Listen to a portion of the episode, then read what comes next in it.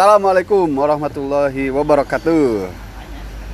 Berjumpa lagi setelah sekian lama tidak mengudara. Asik. Kemarin baru pilotnya, sekarang pramugarinya kita bahas. Episode pertamanya kan pilot judulnya. Yang kedua pramugari berarti. Wah ngomongin selang enak nih. Sekarang ini banyak narasumber sekarang, jadi kita bisa ngobrolin apa aja. Bebas sesuai keinginan saudara-saudara. Ini ada dikenalin dulu kayaknya ya. Ini ada Pak Arinto. Hijrah dari kopi sase ke kopi yang mahal. Ah, itu. Pak Arinto ini seorang manusia alternatif. yang jarang ada di abad ini. Nah, itu. Jadi setelah dulu ada fenomena hijrah, Pak Arinto itu bingung mau hijrah ke mana gitu. Soalnya dari kecil udah pakai celana panjang, dari kecil udah apa namanya sholat, udah bingung mau hijrahnya ngapain gitu. Cuman belum ada jenggotnya aja. Jadi hijrahnya beliau hijrah dari kopi saset ke kopi mahal. Jadi kalau minum kopi saset udah sakit perut. Hijrah gak gitu aja lah. Udah sakit perut. Tanya mulu. Ada juga Arya ini. Arya ini orang yang sangat aktif. Jadi aktifnya di mana-mana gitu ya. Dan baru diketahui sekarang dia anak terabas gitu. Karena kebanyakan gula gitu ya mungkin ya. Gua tuh kebanyakan nyaru sebenarnya. Kayaknya ya. Batman, Batman. Kita sekarang mau ngebahas apa nggak tahu juga ya. Jadi kita ngobrol-ngobrol aja tapi sambil direkam gitu. Sini mbak. Mbak sini, lu sini tuh, lu sini. Nah ini Ini gua mah di sini. Makanan lu dimakan oh. sama ini lo ya. Maaf, Ini juga hijrah nih, si Rima namanya. iya. Dari yang mau udah tajir jadi kere. mau maunya ya udah tajir gede. kebalikan. Oh, oh, yang lain mau mau hijrah tuh dapat duitnya gede, ini mau hijrah. Dah, Pak. Kayaknya ada juga loh beneran. Iya, benar. Ada juga Jadi ada ngomong itu ini ngomong materi, Oh ya, tapi kita, dia kita, hijrahnya kita tuh semua hijrah beda. telanjang lah, kita Benar, benar, telanjang. Oh, oh, hijrah itu bukan hanya hijrah soal soal materi. ada ada Parimba juga di sini ya. Eh. Jadi ini Ulangi lah tank deh. Duit eh. Kenapa emang? Pas asuk suka sama suka atau di perkosa. Hah? Cedarek, ngobrol santai. Ngobrol aja. Eh, nanti dulu, lu main cut aja. Ngobrol aja nih. Jadi kita kayaknya mau Duduk masuk ya, lagi. Ya, ya, duduk ya. Oh, Iya kan. Siap. Kurang. kayaknya di tengah pandemi kayak gini, asiknya kita ngobrolin tentang ekonomi nih. Karena banyak orang yang terdampak gitu ya. Ya, iya benar. Salah satunya Parimba gitu ya. Dari dari kaya ya. Tapi dia kebalikan loh. Kebalikan gimana, Pak? Kebalikan. Iya, dulu kan udah udah udah mantap. Iya, betul. Udah mapan, ya kan. Yang lainnya menuju ke atas, dia ke bawah. Iya. Mau ke atas lagi susah. Eh, mentok Pak, masih ada ini pada batas. Jadi ini for your information gitu ya. Jadi Parimba itu istilahnya sudah mapan lah Pak, ya. Iya, mapan. Udah mapan, sudah nyaman kehidupannya, tapi memilih untuk turun kasta. Degradasi. Jadi kayak Ronaldo udah main di Madrid turun ke Juve. ada Pak Alan. Harusnya ada Pak Alan ini. Harus ada Pak Alan ini. Iya kan bener kan itu. ya? Jadi gitu. Tapi berarti ada gitu. kues- ada pertanyaan besar. gitu. Nah. Mengapa itu bisa dia pilih? Iya, kenapa bisa memilih untuk itu gitu? Nah itu, itu kan kalau orang biasa jualan supaya dapat kaya, sebagainya itu tuh biasa. Itu biasa. Biasa. Ini udah mantap, Ah. mapan, ke bawah. Ke bawah. Apa yang dia cari? Ah, apa yang Parimba cari sebetulnya? Ini kenapa jadi bahas gua? Dia kan dari ekonomi ya. Bahas finansial, Skip, skip, skip. Ganti Pak Rinto. bahas sekarang. ekonomi loh, belum dijawab. Jawab. Jawab dulu. Kan juga publik harus tahu setiap orang tuh punya beragam. Hmm, Dari warna tuh tidak hanya hitam putih, salah pelangi loh.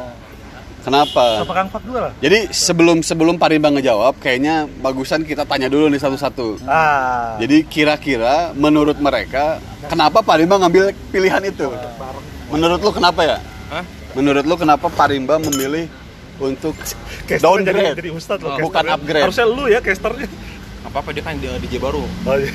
lu mau lu mau ini mau keputus orang lu Kira-kira kenapa? Menurut lu?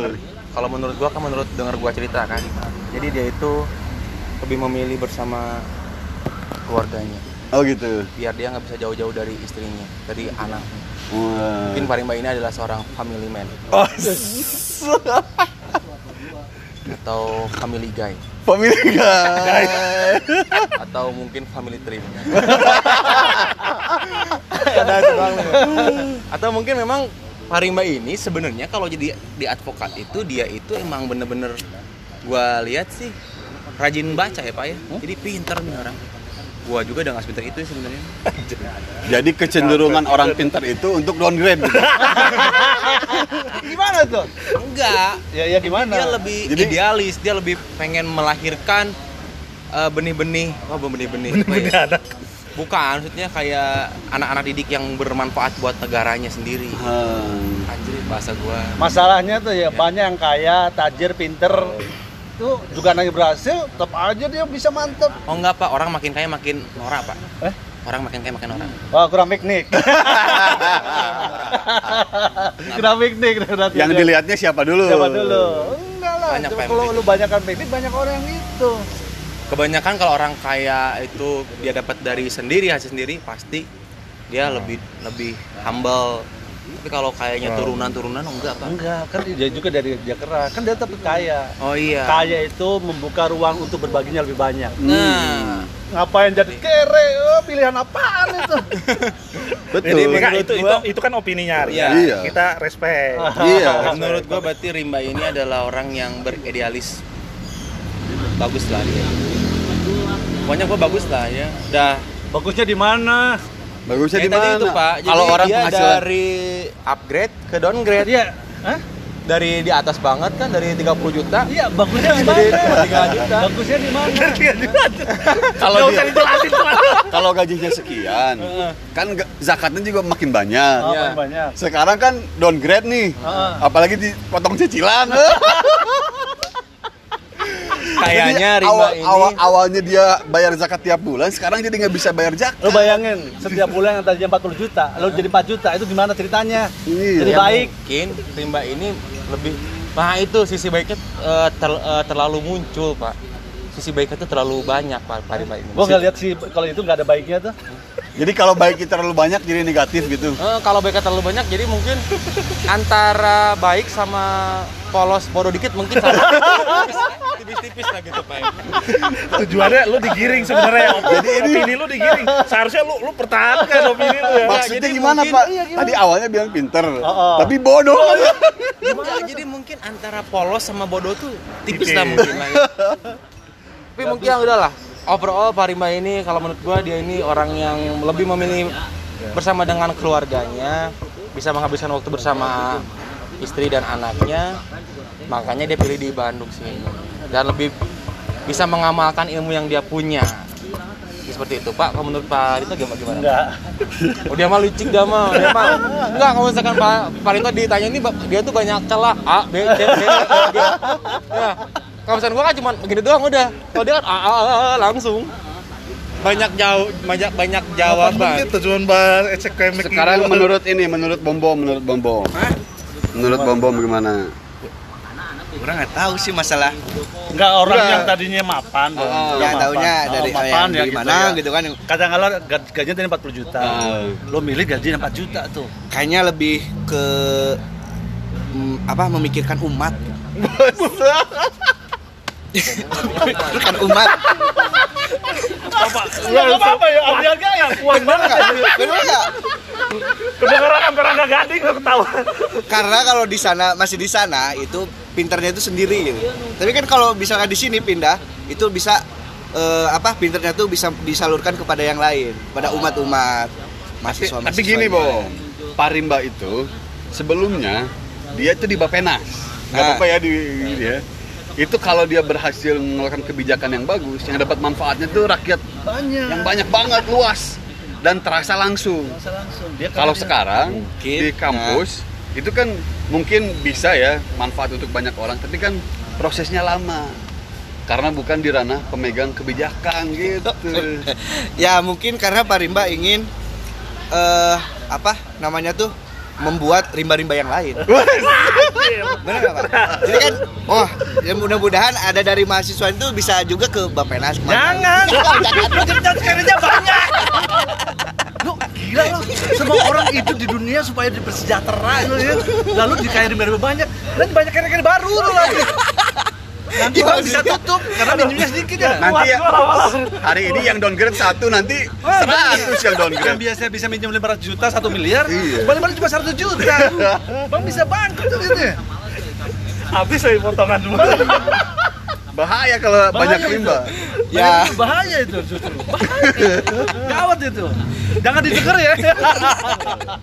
ya walaupun ya emang bener sih itu kalau pendapat saya sih itu maksudnya di luar nggak tahu ya pemikiran aslinya bagaimana terus kondisinya bagaimana tapi melihatnya mungkin dari sisi situnya saya lihat dari sisi Pak Rimba tuh pengen ya kepada umatnya itu tadi gitu sih Jadi umat yang akan dihasilkan kayak apa sih sebetulnya? dan mungkin Kayak nggak, yang kalau Ya, umat. buat umat ya, Hmm. berarti kan ada yang mau dihasilkan umatnya kayak Iya, apa? betul, Nah, umat betul. yang kayak apa sih kalau misalnya Hmm. orang-orang kayak Pak Rimba itu? Rimba-rimba buruh yang kayak apa gitu? ya mungkin kan dari pengalamannya dari dari pengalaman dari eh, kemahasiswanya dia bisa menyampaikan pengalaman-pengalamannya bagaimana Supaya downgrade gitu. ya juga downgrade nya pak tapi pas di masa dia eh upnya tuh pas, pas lagi tinggi tingginya kan tahu jadi kan oh kadang-kadang kita membanggakan pas eh, kita lagi pas di puncak-puncaknya lah Dia belum puncak men, masih muda. maksudnya Masih secara di bukit, secara masih itu bukit ya. puncak lah ya mungkin udah pensiun nih kalau Udah turun gunung gitu. Lu nggak jangan buat puncak lu turun gunung gitu. Ya, Tat. menurut saya seperti itu sih Ya nggak apa-apa. Ya. Kalau menurut saya ini Pak Rimba ini downgrade kayaknya mau ini Pak menghindari pajak ya. Beneran, iya, rasional. Jadi debt collectornya gede-gede. iya. Gitu loh ya. Bisa jadi. Jadi kayaknya menghindar pajak. Pajak, oh. Ya, awas yang nonton nanti ini loh. Ah. Petugas pajak fiskus. Negara pajak dan ini gitu lah apa namanya? Kan- Biasa di dunia Jakarta gitu. Iya. Lihat slip gaji kan, waduh pajak segini katanya. Eh, Ke Bandung 4 juta kan tidak kena pajak. Jadi di slip gajinya tuh penghasilan tidak kena pajak, Wah, nol pajaknya. Itu. Itu yang sangat rasional. Itu rasional itu. Itu rasional. Jadi nggak usah yang panjang-panjang. Umat kebaikan. saya lihat sisi positifnya pak Ah, Enggak usah tinggi banget loh, tinggi banget. Padahal cuma yang sederhana. Iya. Ya. Cuma gara-gara dari pajak. Menghindari pajak aja. Cuma gede-gede pak. Kadang kita sok tahu loh. Alaynya gitu loh saya. Gua nyambung nyambung sama yang tadi Ah. temanya. Alah. Kadang-kadang gitu loh, kita menafsirkan sesuatu yang uh, gede-gede. Padahal kan simpel loh. Simpel karena dia menghindari pajak yang gede-gede. Kalau 4 juta kan tidak kena pajak. Iya, tidak kena pajak. Ya gitu loh. Itu itu kan sesimpel itu loh. Ah, Iya, terus biar persentase sedekahnya itu lebih besar, Pak. Jadi kan Gimana tuh gimana maksudnya itu? kalau misalkan Pak Rimba nih penghasilan 40 juta terus dia misalkan sedekahnya 100 ribu itu kan cuman berapa persen kalau 100 ribu dari 4 juta kan lebih banyak Jadi terpenuhi ininya bisa dapat situ Iya. ya. Kita bisa dua setengah persen itu berarti langsung dapat. iya Positifnya nih lah. Positif betul jadi saya mah sekarang nggak bayar pajak tapi zakatnya presentasinya naik Iya, iya, gitu. padahal nilainya sama gitu Tapi tetap kere gitu ya. Yo, next siapa? tapi Siapa yang lagi? penting Pak yang penting Pak Rimba tidak berubah dari tadinya pembayar zakat jadi penerima zakat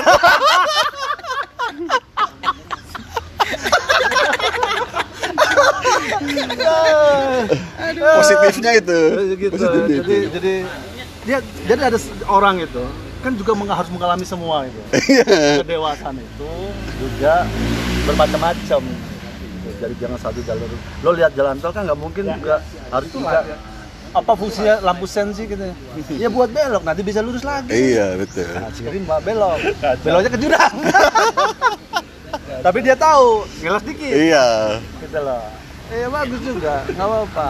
sekarang kita dengerin dari Pak Rimbanya Belum langsung belum semua kan. Belum semua tat. Oh, udah udah Tanya dulu semua. Saya Udah, kalau saya lihat Parinto lah. saya lihat Tanya gini. Parinto, Oh, Parinto, Parinto. Itu kan belum. Semuanya yang tadi dia omongin itu dipastikan dia ngomongin material. iya betul Emak, duit, ya kan kebaikan. family family Ya family itu kan material, ya physically. Masih ada sesuatu yang pertanyaan besar adalah apakah dia ingin melakukan hijrah spiritual? Gitu loh. Gimana tuh Pak hijrah spiritual tuh? Jadi ada dia melihat bahwa merasakan uang itu sebagai penjara. Bus. Baru kali ini nih ada orang terpenjara oleh uang. Uang. berat-berat otak orang tuh ya. Karena ketika dia dia melakukan mendapatkan 40 juta, kan proses untuk 40 juta kan ada sesuatu yang dia lakukan kan? Hmm, betul, Iya betul. kan gitu. Misalnya tanggung jawab, misalnya target, Hmm. tekanan-tekanan yang membuat dirinya itu hilang. Gitu loh. Jadi dia hanya sebagai sub. Jadi dia belum bisa memutuskan sendiri Hmm.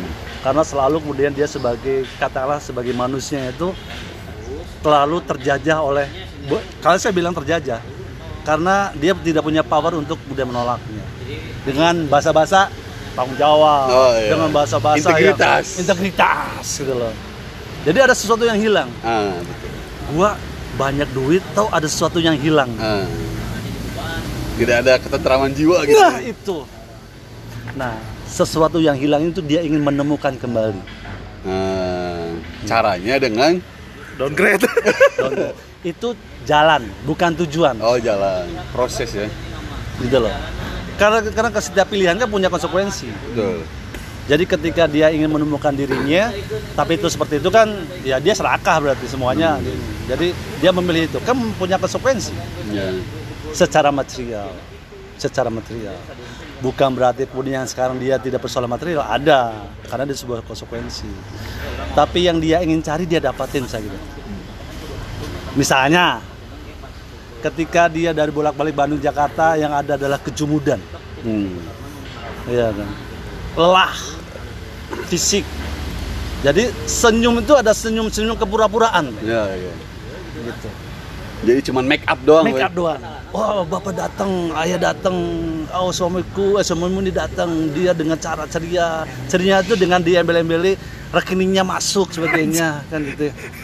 Oh ini sekian, mah dapat dapat ini proyek sekian, udah. Oh iya. Tapi ada sesuatu yang masih hilang. Itu dusta semuanya. Dusta. Dusta tapi nikmat. Ah, Iya, betul. Dusta dan itu nggak bisa dipungkiri loh. Iya. Tapi dia tetap masalah hilang. Hmm. Nah, maka yang dia inginkan adalah sebetulnya yang namanya dan ikhlas itu kayak apa sih? Hmm. Gitu loh. Kok saya dapat 40 juta kok kayak dikejar setan ya? Itu namanya penjara, Mas. Oh iya betul. Gitu loh. Wah, 40 juta harus beli ini, ini sebagainya, harus target ini sebagainya gitu loh. Jadi ada penjara. Nah, kemudian apakah kemudian bisa memunculkan syukur misalnya dari 40 juta itu? Apakah dari 40 juta itu dia merasakan namanya keikhlasan misalnya? Nah, dari cerita-cerita yang ini, walaupun kadang-kadang juga bego bisa gitu. dia mencoba meyakinkan kita bahwa yang dicari itu itu. Tapi kalau pakai rasional murni mas, rasional murni ya rasional murni, memang bodoh. Bener. Bener, ini ya, rasional murni bodoh, gila loh. Iya kan, duniawi itu ya, ya sejahtera, ya, ya biasa lah kayak gitu ya. Ya, Biar zakarnya lebih banyak, gitu kan Iya. ya. Tapi kok dia berarti ada sesuatu. Iya. Dan itu ketika pilih itu dia bukan orang bodoh. Ya kan, Barbijaya, Iya. bener. Bapenas, Bapenas. secara rasional Secara betul. secara rasional ya. Tapi kecerdasan spiritual itu dia belum dapatin. Hmm. Maka dia mencoba mencari itu, Kecerdasan spiritual, weh. kecerdasan spiritual. Sehingga bukan berarti kecerdasan rasional dia tinggalkan. Hmm. Buktinya dia bekerja tetap. Iya.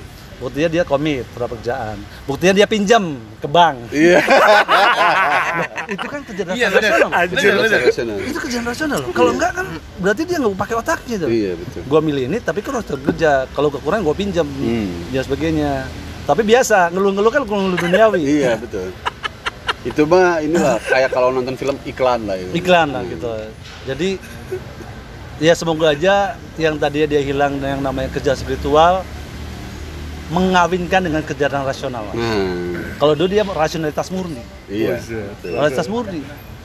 Mainnya main angka, Spiritnya nggak dapat ya. seperti yang dapat. Jadi makan berapa, Hmm. berapa gaji lo, berapa mobil lo, berapa rumah kamu, udah berapa kali kamu ke luar negeri, itu berapa? Ya, harusnya pindah lagi. Dari semua itu apa yang didapat? Hijrah Pak ya. Hijrah itu namanya. Dari berapa ke apa? Dari berapa ke apa? Gitu. Persoalan kemudian sekarang dia masih koma, belum titik. Oh, iya, betul. Jadi manusia itu namanya proses of becoming, proses menjadi. Hmm. Nggak bisa menjadi loh. Nggak bisa kan kita nggak menjadi. Hmm. Menjadinya itu yang udah ketika dicabut nyawanya doang udah menjadi mati, jadi mayat kan tidak. Udah meninggal baru menjadi. Menjadi. Jadi kalau kita hidup itu proses menjadi. Jadi kalau saya sih ya, nggak ada orang kafah tuh nggak ada. Men- Berusaha, Berusaha untuk menjadi kafah. Kalau orang jadi merasa dia udah kafah, merasa dia pinter, selesai lo hidup. Hidup lah selesai. Lah gua udah pinter ngapain lagi hidup? Hmm. Yang gua udah kafah udah sempurna ngapain lagi hidup? Iya. Wih, Iman. sih. Sama kayak beriman juga. Pak. Nah, iya. Menuju keimanan berarti. Menuju keimanan wah Gak ada paling- orang yang benar-benar beriman. Enggak. Walaupun panggilan pada orang-orang yang beriman. Itu namanya proses. Hmm. Nah, bagaimana proses itu? Itu tadi, gampang simpelnya aja. Seringkali kan orang tuh mulai hanya satu hal gitu. Kan dia kejebak juga sih kalau saya sih lihatnya. Arya Bonbon kan dia membahasnya pada material. Tapi kan kadang-kadang masalahnya yang spiritual susahnya apa? Ngukurnya gimana ya? Iya benar. Iya, Bang. Ngukurnya gimana? Ya gak usah diukur, memang bukan ukuran kok. Lo, lo maksa-maksain. Kalau material kan ya 40 juta, mobil sekian, merek apa, itu kan ngukur. Tapi ketika misalnya kekayaan spiritual, ukurnya apa? Ya nggak usah diukur, ya nggak usah diukur. Itu urusan ilahiyah. Gue mencium wangi-wangi Gus Baha di sini. Tapi Pak ada dengan, Pak. dengan inspiring-inspiring. Gimana tuh secara secara Enggak, anda- tapi- dalilnya gimana? tuh? Tapi ada di itu Ridwan Kamil kan suka bikin survei itu. Ka- Waktu jadi wali kota katanya Bandung adalah kota paling bahagia. Iya. Bahagia itu kan masalah batin. Batin. Tapi itu bisa diukur Pak. Nah, itu kan dia berangkat dari murni lagi material. Ah. Kebahagiaan itu bagian material. Oh yang diukur itu kebahagiaan. misalnya gini eh, katakanlah Bandung tuh dia termasuk misalnya Jogja. Bandung yang paling tidak bahagia apa? Yang paling tidak bahagia Bandung itu apa? Macet misalnya Hmm. macet. Jadi ketidakbahagiaan itu dia macet. Tapi bagaimana mengukur misalnya ketika saya macet itu disyukuri? Nah, bisa nggak bisa. Alhamdulillah dengan macet katakanlah saya bisa mendengarkan khotbah misalnya. Ah, benar. dari macet saya bisa katakanlah bisa kata namanya berzikir. Hmm. Dari macet saya alhamdulillah masih bisa hidup sampai ke rumah Nah, itu yang nggak bisa diukur, Pak. ya? Dan itu nggak bisa diukur. Baga- yang penting adalah bagaimana kemudian mendesain yang tadinya tidak bahagia, pasti ada ruang-ruang bahagia di dalamnya, ngerti nggak lo? Ngerti. Itu pasti itu. Alhamdulillah dengan macet gua bisa berdua sama pacar gua lebih lama kan gitu. Nah itu memang pola-pola anak muda gitu. Iya, anak muda ya. Ya nggak apa-apa. Levelnya masih gitu-gitu. Bukan anak muda, Pak. Duda, Pak. Duda muda. Udah udah. Jadi saya lihat gitu. Jadi setiap setiap setiap banyak hal pasti ada ruang-ruang yang yang kebaikan. Hmm, Kang Pap belum ditanya pendapat. ya. Karena saya yakin kebaikan itu ada di mana-mana. betul. Nah, ketika kebaikan mana-mana itu ada apa yang dinamakan dalam bahasa Latinnya itu bonum comune, menjadi kebaikan bersama. Sine parabellum. Jadi ketika misalnya saya punya kebaikannya ini, apa sih kebaikan biasa didapat? Hmm. Gitu loh. Jangan lihat keburukan yang kebodoh tadi, bukan. Di highlight loh. iya, iya bener loh ya. Iya. Oh, kalau gitu kita harus seperti rimba untuk kemudian kayak gini, harus jadi downgrade, nggak bisa. Ya, Tidak semuanya harus jadi seperti itu, Pak.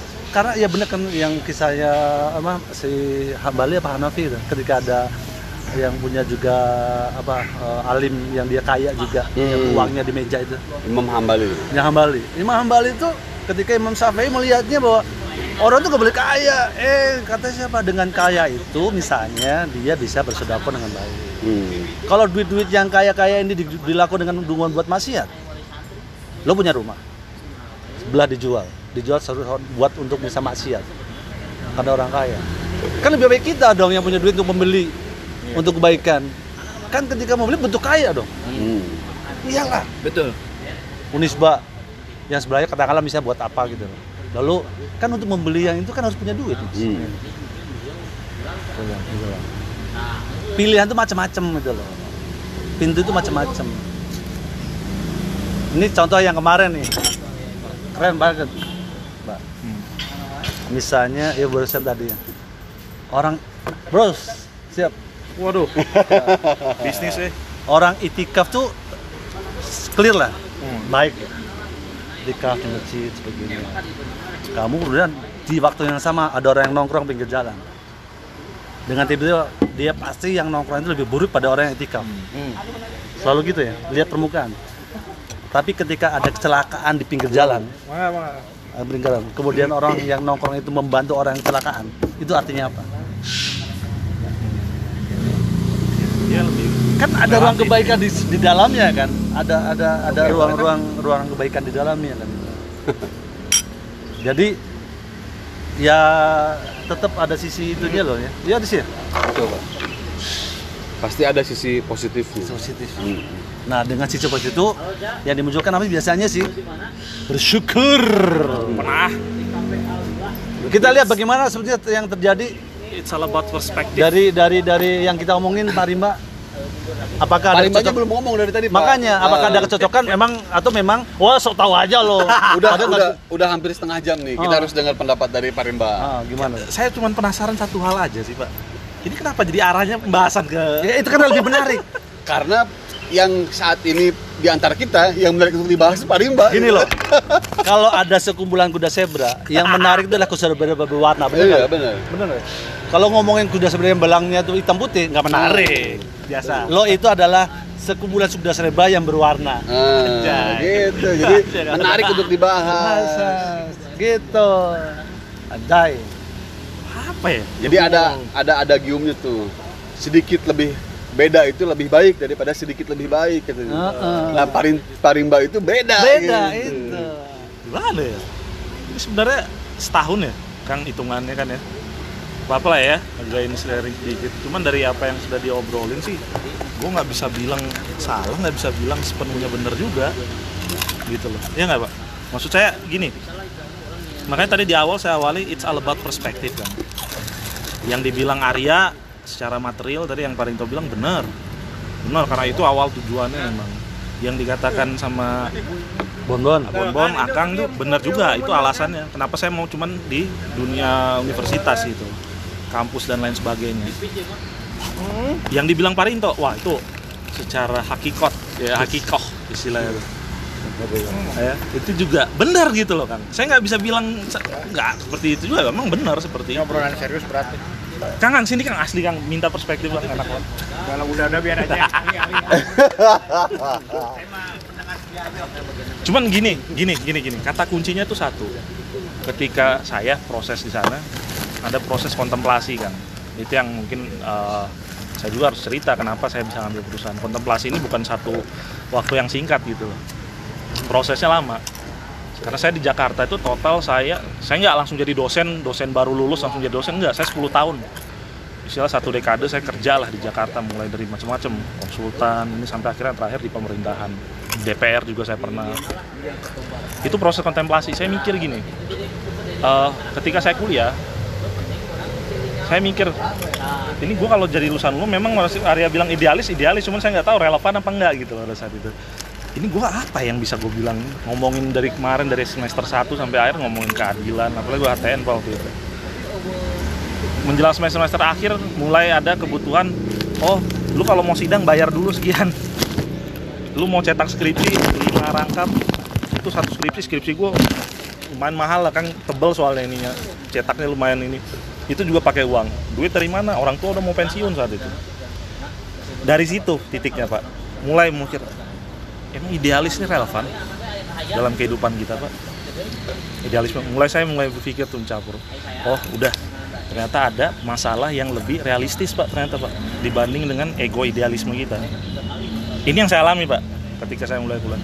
Oh berarti lu harus kerja cari uang gitu mulai dari situ saya ke Jakarta karir pertama sedikit nggak apa-apa ya kang ya Gak apa-apa. Banyak juga nggak apa-apa. Banyak juga nggak apa-apa. Penasaran saya.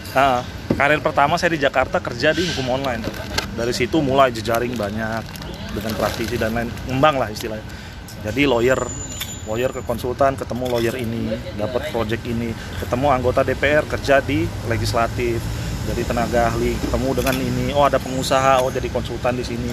Terus terus terus, terus sampai akhirnya bisa di pemerintahan dan lain sebagainya. Nah dari situ sebenarnya patron saya udah kebentuk pak. Patron tuh kayak pola pikir saya terkait dengan apa yang saya jalankan. Oh nggak bisa ternyata. Benar apa yang dibilang Pak Rinto. Gue semakin ke sini semakin gue berproses di Jakarta gue semakin menjadi makhluk yang materialistis. Hmm. gue semakin menjadi makhluk yang rasionalitas gue kedepankan. Karena apa? Gue ngukur saya ngukur saat itu. Oh lu bisa dikatakan sukses kalau lu sudah punya di rekening lu berapa ratus juta atau bisa sampai M misalkan pak. Saat itu jujur pada saat itu pak. Achievement lu itu. Lu siapa? Posisi lu apa di kantor? Oh gue staf ahli misalkan. Oh gue ini staf ahli menteri. Itu jadi kayak patokan gitu loh kan Hmm. ini saya cerita dulu pak latar belakangnya. Kenapa waktu itu larinya ke situ tuh? Mulai dari yang saya skripsi itu pak. Lo ngangkuk-ngangkuk aja dari tadi. Enggak pak, karena ini kayak lagi sidang sarjana pak. Makanya Dari latar belakang dulu kan. lo Enggak, kayak enggak, biar, biar, masalah. biar, biar nggak loncat pak, biar nggak loncat Iya, pola iya. kan saya bilang prosesnya proses prosesnya prosesnya kenapa coraknya bisa seperti itu itu bukan Iya, proses betul. yang tiba-tiba Iya, gitu loh jelas, langsung gua ada tiga di Jakarta enggak enggak dari awal gitu loh Hmm. dari awal emang faktanya seperti itu realita yang gue jalanin seperti itu nah Sorry motong nih ya. Heeh. Maksudnya ini biar tidak terlalu panjang nih. oh gitu Jadi pas ketika Parimba di pergulatan itu, kapan Parimba memutuskan untuk menikah? dikit lagi nih dikit Oh, lagi, dikit lagi. masuk Oke, gitu lanjutkan, lanjutkan. dikit lagi dikit lagi nah dikit lagi dikit lagi Oke oke. karena kadung udah bahas gue gue bahas saya sekalian Iya. gitu kan Jangan tinggal diedit loh. Yang Iya. yang nggak perlu nggak Iya. di. di- Eh, nah eh, pada saat itu gue udah pada titik di mana wah nih kayaknya peak nih karena dari sisi yang tadi gue bilang gaji dari sisi jabatan yang dipegang saat itu juga udah udah yang inilah udah lu kata orang bilang apalagi sih lu tinggal dikit lagi lu udah inilah udah masuk lah di ring-ring satu contoh misalnya kekuasaan dan lain sebagainya gitu. Muncul dilema-dilema saat itu pak. Macam-macam nih dilemanya. Satu yang kemudian men-trigger saya tuh pada saat itu saya ya dulu namanya anak muda kan saya udah pacaran dulu nggak ada istilah itu karena ya dulu gue rasional banget secara ilmu agama pak. Gue fakir banget ya. Nah, sampai sekarang pun fakir. Makanya gue salah satu nanti nyambung juga mengapa masuk Unisba nah lama kang pacaran kang? Dari tahun 2010 sampai ya, hampir 10 tahun juga hitungannya kan? Gue mikir gini karena patokan rasionalitas itu gue waktu itu berpikir kalau gue mau nikah gue harus jadi orang kaya. Kalau gue mau nikah gue harus punya rumah kalau gue mau nikah gue harus punya mobil itu aja yang gue bikin padahal di Islam kayak gitu nggak tat Enggak juga. Nggak juga kan Nggak. nggak absolut nggak kayak gitu Nggak absolut. nggak absolut Tapi kalau punya juga nggak apa-apa. ya itu kan bonus tapi nggak absolut Bonus, kan ya. nggak absolut nah saya pada saat akhirnya Silakan. Nggak, ba- karena saya waktu itu saya pikirnya gitu, saya nggak Iya, akan nikah kalau saya belum punya semua. Iya benar. itu saya nggak punya. Makanya waktu dengar cerita jenengan Jadi Pak, saudara waktu sebelum nikah itu bukan hanya fakir ilmu tigaan, agama ya. Heeh. Tapi fakir harta juga. fakir harta juga semuanya. Dan perspektif dia. Dalam perspektif saya saat itu, dalam pemahaman Lo saya. juga berlebihan tuh. Makanya jadi orang kere. Kali-kali jadi orang kaya tahu Makanya. Kang jujur jujur terus terang, gua gua salut bener pas dengar ceritanya Pak Rinto. Anak udah tiga, rumah belum ada masih kok. Gue bersumpah, gue gua Salutnya di sebelah mana sama orang kayak gitu? Enggak, saya salutnya gini, Kang. Di- nih, Kang, ini ini saya kasih jawab. Ini kalau bisa jadi Agus kalian boleh deh. Enggak, enggak sumpah saya salutnya dua hal. Iya. Ini orang punya kepercayaan diri yang dari mana ya tinggi Ah. banget itu. Enggak, saya nggak akan pernah berpikir gue akan kawin terus punya anak banyak, belum punya rumah kondisi masuk. Gua nggak- saya pasti nggak waktu itu ya, kan ini kan cerita waktu itu. Saya nggak akan berpikir ke sana, Bang. sama sekali nggak berpikir. Makanya saya nggak ada follow up datang ke orang tua, oke kita nikah belum saat Ah. itu, itu. Karena itu masih terkungkung dengan Hmm. paradigma berpikir seperti itu. Gue nggak akan kawin kalau belum punya ini itu. Muncul dilema-dilema. Mulai ada saya Tadi apa- salutnya baru satu, satu lagi apa? salutnya satu lagi selain PD berani Ah, berani. berani gue nggak gua nggak punya keberanian kayak gitu saya Oh. di saat titik seperti itu saya belum punya keberanian kayak gitu Ah. punya anak tiga rumah masih ngontrak gaji 600 waktu itu. Iya. cicilan lo 900 Lo angka angka masuk sini lo. Kenapa nih? Banyak mahasiswa aku nih tadinya. Oh ternyata. Minus 300 lebih parah. Itu belum biaya hidup loh. Nah, itu. ini kita menertawakan diri ya Pak ya. Nggak apa-apa ya. Nertawain diri sendiri ini itu aduh gila gue nggak habis. Makanya saya bilang akhirnya kemarin ngobrol sama Pak Rinto juga gue banyak berpikir juga oh, ternyata bener ya kayak gini. Nah dari situ mulai dilema apa? Orang tua pada saat itu sakit sakitan. Orang tua saya sakit orang tua istri saya sakit. Cuman yang wafat pada saat itu orang tua istri. Hmm. satu malam sebelum beliau wafat beliau bilang gini ini bener-bener nampar saya banget tuh tolong anak saya intinya ya saya segera dinikahi. Karena kalau nggak dinikahi Oh meninggalnya sebelum menikah. Se- sebelum nikah. Jadi saya men- eh, pada saat nikah sama istri di depan jenazah. Oh. saat itu juga saya kawinin istri saya. Wah ini drama lagi nih pak. Oh. Panjang Ending makanya nih. Eh, itu makanya titik perubahan di situ tuh Oh. Ya, yang biasa aja sih itu banyak cerita yang gitu nikah depan jenazah bapaknya nyantai aja itu lah nggak Nggak. dramatisir lah Tapi penting pak itu pak. Oh, penting ya, penting, pak. oh. pentingnya kenapa karena di situ titiknya saya berubah di situ Iya. pak Oh, mulai iya. pandangannya Oh, berubah bedanya di situ. Bedanya- kan tadi kan pertanyaannya itu Iya. yang mulai kapan Buat Saat itu. naikin followers pak. Pentingnya itu pak. Aduh pak itu nih gimana sih? nah saat, saat itu menghargai banget dramatisirnya? Enggak sebenarnya enggak. Perspektif aja dramatis apa enggak kan tergantung yang dengar ya. Iya makanya. Dan maksud saya gini, intinya saya berubah di situ pak, mulai berpikir ada pesan kayak gitu saya kayak tertok lu ngapain gitu lama-lama, nah orang selain bisa menjurus ke yang macam-macam kan juga ya orang tua sampai kayak begitu sampai pesan sebelum beliau meninggal kayak gitu lu kayak useless banget sih deketin anak orang tapi nggak ngasih kuasain kayak gak sampah kayak berguna gitu loh. Ngapain gitu loh? Apalagi yang Tafsiran Parimba itu. tadi. tafsiran saya kayak gitu. Pada saat itu. Tapi seenggaknya ada satu kesadaran yang timbul Pak. oke. Nikah saat itu. Ngobrol langsung. Dan keputusan nikah saya sendiri yang ambil. Nggak dipaksa ayah ibu saya atau ada dorongan dari keluarga saya nggak pak. Saya mau menikah. Nikah sekarang juga. Pak. setelah itu nikah. Nah dari situ saya udah mulai berpikir muncul lagi aduh ini gue udah nikah gimana ya? Wah, karena pada saat saya nikah posisi saya lagi ambil S2 kan. Hmm. lagi ambil S2 itu posisinya karena saya beasiswa nggak boleh kerja. Jadi nggak boleh kerja sambil sekolah murni semuanya dari beasiswa. Masa ngandelin beasiswa? Beasiswa paling cuma sampai usia usia ini kita kan studi kita doang kan terus nextnya apa gitu loh bingung mulai mikir-mikir kayak gitu mulai ada kekhawatiran. Nah di sinilah saya nggak tahu pendekatannya transenden atau enggak pak. Cuman saya merasa setelah nikah pak itu chance banyak Bentar, bentar, bentar. Transenden itu apa? Ini pendengar kita banyak yang nggak tahu. Oh iya, sorry sorry sorry sorry sorry sorry sorry. sorry. itu itu. Sorry sorry kelepasan tuh. Sorry sorry kelepasan itu. jadi manusia wajar aja Kelepasan. ya manusia bodoh tadi di mana bahasanya maksud gue bukan bukan otak Enggak enggak apa ya? Apa Pak dan Pak bahasa ini apa? Ya spiritualnya itu Ah, Pak. gitu. Spiritualnya lah. Spiritualnya jadi itu hal-hal sesuatu yang nggak bisa masuk Iya, akal masuk aja akal, nggak di, bisa di ini nalar. nah gitu Kayak misalkan lu emang bisa ciptain kesempatan kan by desain di Iya. lu kan nggak bisa itu di luar jangkauan. Nah, itu saya rasakan di tengah kekhawatiran saya ketika awal-awal menjalani rumah tangga justru banyak banget Hmm. kesempatan-kesempatan yang datang. Wah, ada aja gitu loh. Saya nggak tahu ya, emang faktanya kayak gitu, saya juga nggak desain seperti itu gitu loh. Ada aja, ada aja terus datang terus tawaran ini, tawaran itu jadi ini, jadi itu macam-macam tuh. Saya ambillah salah satu kesempatan tawaran dari situ. Nah dari situ mulai pertama saya gabung di salah satu law firm yang ya lumayan lah di Jakarta.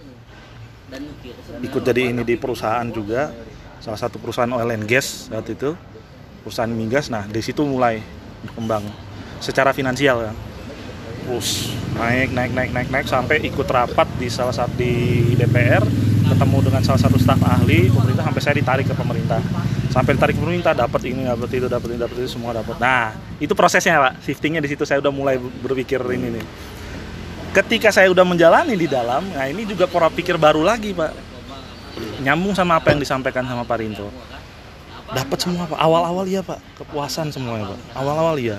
Dapat semuanya harta dan lain sebagainya dapat. Cuman saya mikir kayak gini. Saya udah nikah beberapa tahun sama istri saya kan tapi kok belum punya keturunan? Hmm. ada apa gitu? Cek ke dokter kan sehat 100% walafiat semuanya. Istri saya bagus saya juga bagus. Cek lagi sehat. Hasil cek berkali-kali sehat. Ada apa ini saya mikir? Mikir lagi pak. Kok saya belum punya anak gitu loh nikah bertahun-tahun gitu. Terus ada pertemuan saya sama orang di apa kendaraan itu. Ya oh, kan? Mangga mangga. ada satu saya nggak cerita latar belakang saya kan? Cuman dari sini saya nggak tahu mungkin dari Allah juga saya nggak tahu ya pendekatan spiritual. Dia bilang gini pak orangnya biasa. Dia kayak kayak di kantor tuh kayak tukang fotokopi gitu lah pak. Buat fotokopi kayak orang administrasi gitu. Dia cerita pak saya mah alhamdulillah pak walaupun intinya gini walaupun saya rezeki semuanya pas-pasan tapi alhamdulillah saya kalau setiap pulang ke rumah saya bahagia. Karena apa? Saya punya anak-anak yang soleh. Saya punya cerita kayak gitu. Bagi saya mah kita punya apa pun saya nggak cerita saya saya latar belakang saya tapi dia cerita tiba-tiba ngomong gini. Saya bagi saya mah saya nggak punya apa pun dan punya apa pun juga nggak akan ada artinya dibanding saya nggak punya anak. Uh, saya langsung pak gini saya pak. Aduh saya bilang gini mikir saya kan dari situ tuh ini apa yang salah gitu. Ngobrol-ngobrol diskusi sama yang lebih tua. Kamu terlalu sibuk ngejar semuanya kalau kata orang tua saya. Ngejar ini dari target itu. Balik lagi yang soal itu tuh. Pengen dapat ini pengen dapat itu pengen jadi ini pengen jadi itu. Sehingga lupa esensinya. Esensi bahwa sebenarnya yang namanya saya satu hal selama saya kerja di Jakarta satu yang saya simpulkan pak mau sekaya apa pun kamu mau sesukses apa pun kamu kamu nggak pernah bisa beli yang namanya waktu itu pak itu tuh Lo jangan bongkok aja. Kan beli kagak. Karis. Buat bahasanya udah naik lagi dong gitu. Pak, bener Pak. Itu selama 10 tahun nggak usah ribet-ribet kan Pak. Kita kompres aja Pak. Simple. Satu hal yang saya bilang, saya mengerti apa namanya filosofi waktu. Artinya wal asri innal insa nalafi. Sebenarnya manusia itu rugi secara waktu itu saya di situ. Mau lu sesukses apa, uang sebanyak apa pun, satu hal ya, lu nggak bisa investasi waktu, lu nggak bisa beli waktu. Betapa berharganya waktu itu. Nah, saya nggak bisa saat itu memberikan itu atau invest di waktu untuk siapa? Untuk istri, untuk anak, untuk ayah saya, untuk ibu saya. Saya sama ayah saya baru sekarang aja saya sering rutin pak. Nah, itu saya syukuri pak. Saya syukuri banget karena dulu di Jakarta setahun sekali mungkin saya lihat orang tua saya. Pak. Sampai ayah saya sakit dulu, kena stroke. Dan alhamdulillah saya udah di Unisba, alhamdulillah pimpinan-pimpinannya pengertian semua. Kemarin bahkan mau jenguk, cuman saya udah lagi terapi sama ayah. Ya, saya bisa gitu loh, rutin. Saya syukur banget.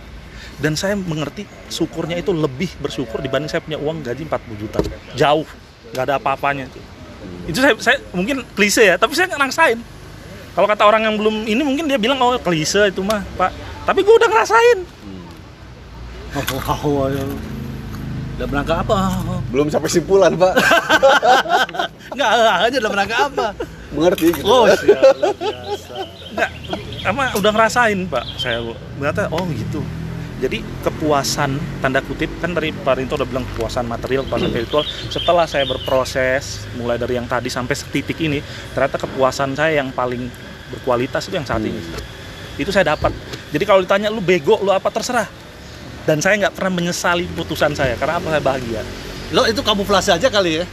apa tuh Karena udah buat keputusan gak ada duit, jadi yang di adanya itu lo Yang ngomong tadi gitu. sih, Pak, ada tahu. Pak, kan tadi kata ada istilah iklan ya kan perlu iklan juga lah pak jangan, jangan terlalu acara terus gitu ada iklannya Oh, gitu, bagian ngeluh-ngeluh itu kan iklan Kalau ini nih terakhir ya. itu ah, Pertanyaan gitu ya. terakhir. Ah, Kalau Pak Rimba boleh milih nih, hmm, setelah selesai kuliah misalkan, ya mau pengen langsung jadi dosen Unisba atau di Bapenas dulu? masa setelah selesai kuliah gimana kan udah selesai Maksudnya kalau udah selesai S2 nih misalkan, udah selesai Misal, kuliah misal, S2, misal. misalkan. Oh, S2. Balik lagi, balik lagi. Ah, ah, ah. Nah, mau langsung jadi dosen Unisba atau mau ke Bapenas dulu? Yang kuliah S2 pada saat itu saya udah nikah kalau udah selesai berarti saya lebih pilih yang material yang material yang Bapenas nggak langsung Kalau kalau sekarang gitu disuruh Oh kalau sekarang kan udah tahu rasanya Oke nih. oke. Udah saya tahu kira rasanya. agak backdate lagi. Kalau sekarang dulu saya akan milih Unisba Langsung. karena saya udah merasakan.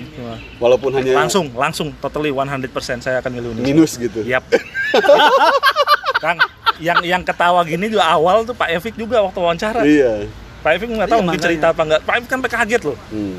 Pak, kok bisa gitu. Karena apa kan saya kasih lampirannya juga tuh Iya. sama Pak Evik waktu itu. Nah, Riz, saya ada pertanyaan yang menarik dari cerita semuanya itu. Apa tuh Pak? Kenapa nanyanya ke saya Pak? Kan harus Ya, karena- saya yang nanya Pak. Enggak, sebagai Caster ya? jadi masternya itu. Oh, kok master? Enggak, artinya gini. Ini, ini saya ada ada ada sesuatu yang yang menarik nih. Eh ini mau ya. Dari antara istihad Kang, sama takdir. Hmm. Jadi ada sesuatu yang nggak bisa terjawab rasional kan bisa jadi. Hmm. Di manakah posisi Tuhan ketika hidup si Rimba yang namanya takdir? Oh. Yang sudah digariskan sama Allah. Hmm. Jadi kan kadang gitu ya. Lo ngomong ngapain aja. Kalau bisa takdir Allah memberikan ada sebuah garis yang itu itu itu ya ya seperti itu gitu Hmm. jadi sebetulnya posisi Tuhan dalam wilayah wilayah kehidupan seseorang gitu ya kan gitu karena rasanya nggak dapat nih atau goblok banget Enggak, enggak bisa. Oh, Nggak dapet. Jangan kan sama orang ini, keluarga saya aja saya kan diketawain. kalau kita yang katakanlah mau, mau sudah mau sudah tekan kontrak kesahadatan gitu ya gitu. itu kan berarti ada kehadiran Hmm. itu gimana ya mau menjelaskan dengan pola seperti kehadiran ilahiyah terhadap Ah, saya nggak ngerti hidup, juga, hidup, ya. hidup, hidup Pak Rimba Pak Ustad Nggak paham ya juga. yang saya nggak paham tapi saya merasakan pak. ya, ya gitu lah Nggak paham kan? Paham kan nggak harus nggak ini kan pak. Betul. Merasakan nggak harus paham. gimana Pak Ustad Jadi gini Pak, jadi kan kita kalau sholat yang wajib kita baca itu surat al-fatihah. Ah, betul. itu. Di surat al-fatihah itu kita selalu baca ihdinas sirotol Mustaqim. mustaqim. Tunjukkanlah aku ke jalan yang lurus. Kalau arti di terjemahan Depak. betul deh Pak Kalau di tafsirnya ternyata ihdina itu artinya berikanlah aku hidayah. Nah, hidayah Allah itu bentuknya macam-macam, Pak. macam-macam. Ada hidayah akal, kemudian ada hidayah panca indera, ada hidayah macam-macam lah pokoknya. Nah, mungkin Pak Rimba itu dikasih hidayah itu, Pak, salah satunya. Gitu kayaknya. Walau alam saya juga nggak tahu. Ya, memang nggak bisa dinalar Saya nggak tahu. betul. Artinya memang secara secara ini ya secara spiritual memang kehadiran itu memang masuk tuh ya kehadiran Iya. ilahi yang tadi dengan penamaan yang namanya hidayah itu ya Iya, dan kita meyakini hal hal itu betul. jadi kalau bisa penjelasannya rasional yang agak Nggak mentok-mentok masuk, banyak ya. nggak masuk. ya, dan tadi dan hidayah itu sebetulnya Allah kasih ke semua orang. Jadi semua Ya. orang itu modal hidayahnya sama. Ada. Nggak beda-beda ya. Eh, eh, cuman kan ada orang yang menjemput, ada yang enggak. Gitu. Jadi kita mau ngejemput atau enggak hidayah itu. Gitu. Sama kan konsepnya kayak takdir juga begitu. Jadi kesimpulannya gimana tadi jadi kesimpulannya, obrolan kita ini Yang simpulin harusnya pembawa acara pak. iya iya, makanya gue nanya sama Oh, dia iya, eh Siap, siap. iya. Jadi betul ternyata kebahagiaan itu tidak hanya yang sifatnya lahiriah saja. Betul. ternyata ada kebahagiaan-kebahagiaan yang sifatnya jauh. batin, yang sifatnya spirit gitu ya, yang tidak bisa dinilai oleh orang lain kecuali orang yang Rasakan merasakannya. sendiri ya. Betul. ya kadang-kadang gini ya saya sih barangkali eh, salutnya itu salutnya kayaknya dengan kondisi saya sekarang ini saya saya lah Hmm. mengalami seperti Pak Rimba saya nggak bisa Hmm, Kenapa pak? ya karena kan saya punya sejarah yang berbeda betul. dengan sejarah yang berbeda Hmm. saya kan ngomong gini karena saya belum pernah merasakan 40 Hmm. juta bulanan Sama saya juga belum. yang gitu loh Saya masih kalau kehujanan pakai jas hujan. Gitu. Jajan, ah gitu Iya kan Kalau udah artinya 40 juga juta nggak, Pak? saya kekagumannya itu bukan soal apa-apanya kalau saya yang mengalaminya Hmm, itu nggak mudah saya bisa melaksanakannya betul, loh betul. saya ngomong gini karena saya belum mengalaminya Iya. persis karena Al Ghazali kan dia Iya. mengangkat sesuatu kan dia mengalaminya Hmm. Gila ya sih obrolannya udah makin keren sih. ya ini. bener Betul. sih ya kalau orang itu ya harusnya materi Iya. orang untuk tapi beda beda ngomong kita ini Iya. kalau yang pernah mengalaminya Betul. gitu mengalaminya Sama kayak ini Pak, kan banyak koruptor tuh Pak. Banyak koruptor terus orang-orang bilang, oh dasar koruptor, oh dasar koruptor. Orang ngomong kayak gitu karena dia belum ngerasain punya jabatan. Mungkin kalau dia dikasih jabatan, dia punya kesempatan untuk koruptor, dia Lebih. korup juga kayaknya. Lebih bahkan mungkin. Jadi jangan-jangan orang yang teriak, wih dasar koruptor itu, dia bukan membenci karena dia koruptor, tapi dia benci karena dia nggak punya kesempatan untuk korupsi. bisa jadi gitu Bisa jadi makanya gitu. ya itu dan mengapa saya nanya soal takdir soal ada kehadiran ilahiyah dan arti itu kan kan sebetulnya kan mengurangi kesombongan ya Hmm. Hmm. mengurangi kesombongan bahwa Betul, bukan kita. ya. kalau kayak tadi bahasa transenden bahasa suatu kalau dalam bahasa French Capra itu nama turning point ada sesuatu yang memang hidup itu turning point. Hmm. turning pointnya tadi tadi downgrade itu bagi saya bukan bukan bukan menurun tapi turning point jadi balik satu titik Iya. Lihat kan material.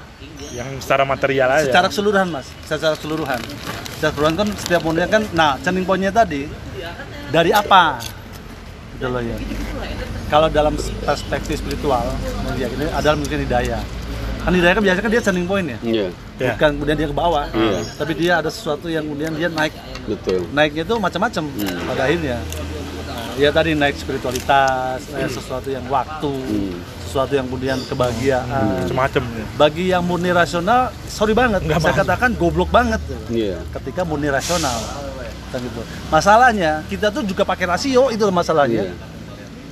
Bukan makhluk suci, bukan makhluk Murni. katakanlah yang brahmana yang Iya. murni Sufis. sufistik gitu loh. Nah, saya salut ketika orang tuh bisa ya siap siap Nuhun ya, gabung diskusi yang kurang bisa, penting ini. bisa menjembatani ya tadi ya dua wilayah itu wilayah spiritual dan wilayah material gitu loh. itu yang yang agak susah ketika dia material ya nggak apa-apa tapi ketika dia ada spiritual tadi gimana cara menjembataninya ya? Hmm. Hmm. dia menemukan spiritualitas Yap. Dan itu yang saya merasakan tapi nggak paham. Iya. Kan dia kalau dia spiritual aja kan artinya ya udah gua langsung tapi ketika misalnya dia sorry banget pinjam duit Hmm. dia tetap bekerja dengan baik kan itu kan menjembatani antara spiritualitas dan materialitas. Sini aja dulu. Eh. Lu Jadi- kan pemimpin. Nah, tinggal aja. masalahnya bagi saya adalah ada nggak ya, ada nggak ya? Ini terlalu terlalu terlalu arogan. Cara menjembatani yang bisa juga bisa dilakukan oleh banyak orang. Hmm. How to-nya itu. Hmm. sehingga kisah-kisah yang semuanya itu menjadi apa kebaikan bersama itu Yap. gitu loh saya jadi bu- bukan soal tip atau gimana cuma gimana ya kesadaran kesadaran kita membangun jembatan itu tentu saja dengan masing-masing punya punya ini tapi yang penting adalah tadi ketika mau mau melakukan sesuatu itu kemudian menjembataninya. Karena sorry banget banyak kisah-kisah. Sorry banget ketika dia dia menikah empat istri sebagainya. Tapi kemudian secara material dia terbengkalai. Kan berarti kan dia tidak menjembatani kan? Iya. dia hanya hanya pada wilayah wilayah spiritual yang kadang-kadang juga hanya topengnya aja. Iya. Nah, bagi saya sih sebetulnya kan sekarang kan saya nggak tahu apakah jembatan yang Pak Rimba lakukan itu sudah terjadi atau dia sedang membangun. Karena kalau sedang membangun, godanya gila banget ya. Iya. Ya itu tadi, nanya sama gua, gimana ya gua duit gaji 4 juta terus cicilan 4 juta. Eh, Beak kan tuh. Ya kan gitu. Itu kan butuh jembatan, betul. Butuh jembatan. Jadi eh, apa ya yang yang yang kira-kira sebagai pijakan, ya, pijakan untuk membangun jembatan itu apa ya mas? Menurut menurut sorry bang saya terlalu tinggi nih bahasanya. Kalau menurut saya Pak ya, jadi memang yang pertama yang harus dikuatkan memang itu tadi dari segi keyakinan Pak. Keyakinan. Hmm. Faith, jadi harus punya keyakinan bahwa selama niatan kita baik, pasti ada orang aja yang bantu. Hmm. Jadi dibangunnya itu dari keyakinan dulu, Keyakinan dulu ya. dari keyakinan. Keyakinan apa itu? Keyakinan bahwa pertolongan Allah itu dekat. Oh, situ harus jelas, harus di underline itu. Kalau ini emang wilayahnya beliau, Pak. Iya. Karena otoritasnya di situ. Oh, enggak. Kalau yang ngomong misalkan saya, kan, nah, agak Ya enggak, tetap Enggak, aja gua dengerin. Coba dengerin doang. yang wilayah. Asik Di, di, di, di, di sini kita udah masuk pada Podcast ini tuh lebih ber, lebih berwarna pas begitu ada Pak Arimpo ya. Nah. Jadi ini tuh kayak Steve Jobs-nya yang gua lihat tuh. Steve Jobs, Jobs, Jobs. Steve Jobs. Apa Steve Jobs ya? ya? Jadi Enggak, gitu Pak. Lu, Itu eh, Steve Jobs kan? itu lo itu lo. bukan bukan bang lu, lu tahu kan jadi orang yang masih berpikirannya tuh terbuka gitu loh enggak kayak Out of the box. ah, ah, out of the box jadi bang ini mah oh, ininya kata-kata eh, terlalu tinggi banget ya out of the out of the box gitu dia apa pattern gua tuh dari tadi tuh dia eh, diam tuh karena gua nggak ngerti gitu bang jadi gua tuh diam aja sebenarnya tuh Enggak, berat lanjut dah. lanjut deh bang Nanti dikasih subtitle. Udah, udah ini tuh. Jadi itu Pak, jembatannya itu pondas pondasinya itu keyakinan. Jadi Enak ya? dari keyakinan bahwa Allah itu pasti menolong setiap hambanya yang punya niatan baik. gitu. Ini ada pertanyaan lu terakhir nih ya, Iya. terakhir, terakhir. Keyakinan kan nggak given loh. Betul, Betul ya? betul Pak. Kan butuh ada cara kan. Iya. Cara untuk mendapatkan keyakinan itu menjadi semakin mengkristal lah. Nah, gitu Dia ya. nggak Semakin- embedded, nggak nggak udah melekat di kita. Oh, mengapa harus mengkristal supaya itu tetap dia melekat. Iya. Kayak ini orang pragmatis ya, orang yang pengen cepat kayak tip and trick, pengen cepat orang kaya itu loh ya. Itu itu membangun bagi saya membangun, membangun proses, membangun untuk meningkatkan keyakinan itu apa Pak Ustaz?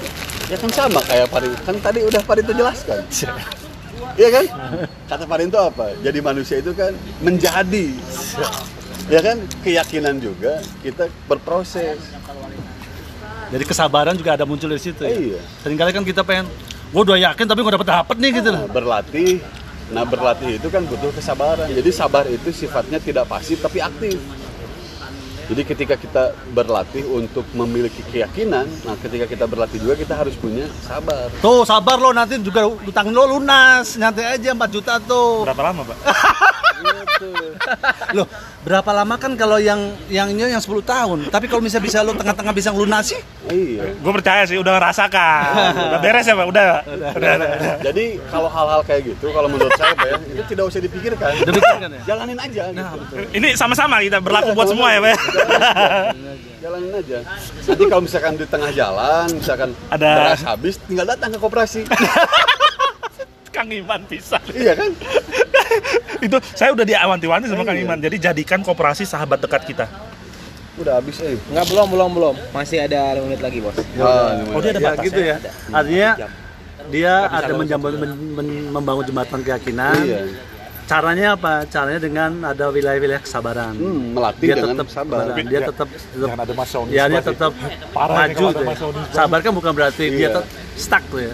Dia tetap maju dan kehadiran ilahiyah itu menjadi faktor yang menjadi penting, Sangat penting, untuk betul. membangun itu semuanya ya. Iya. Jadi eh, mungkin penutup penutup saya mau ngutip satu hadis aja lah ya. Iya, mau ngutip satu hadis nggak nyampe dua menit.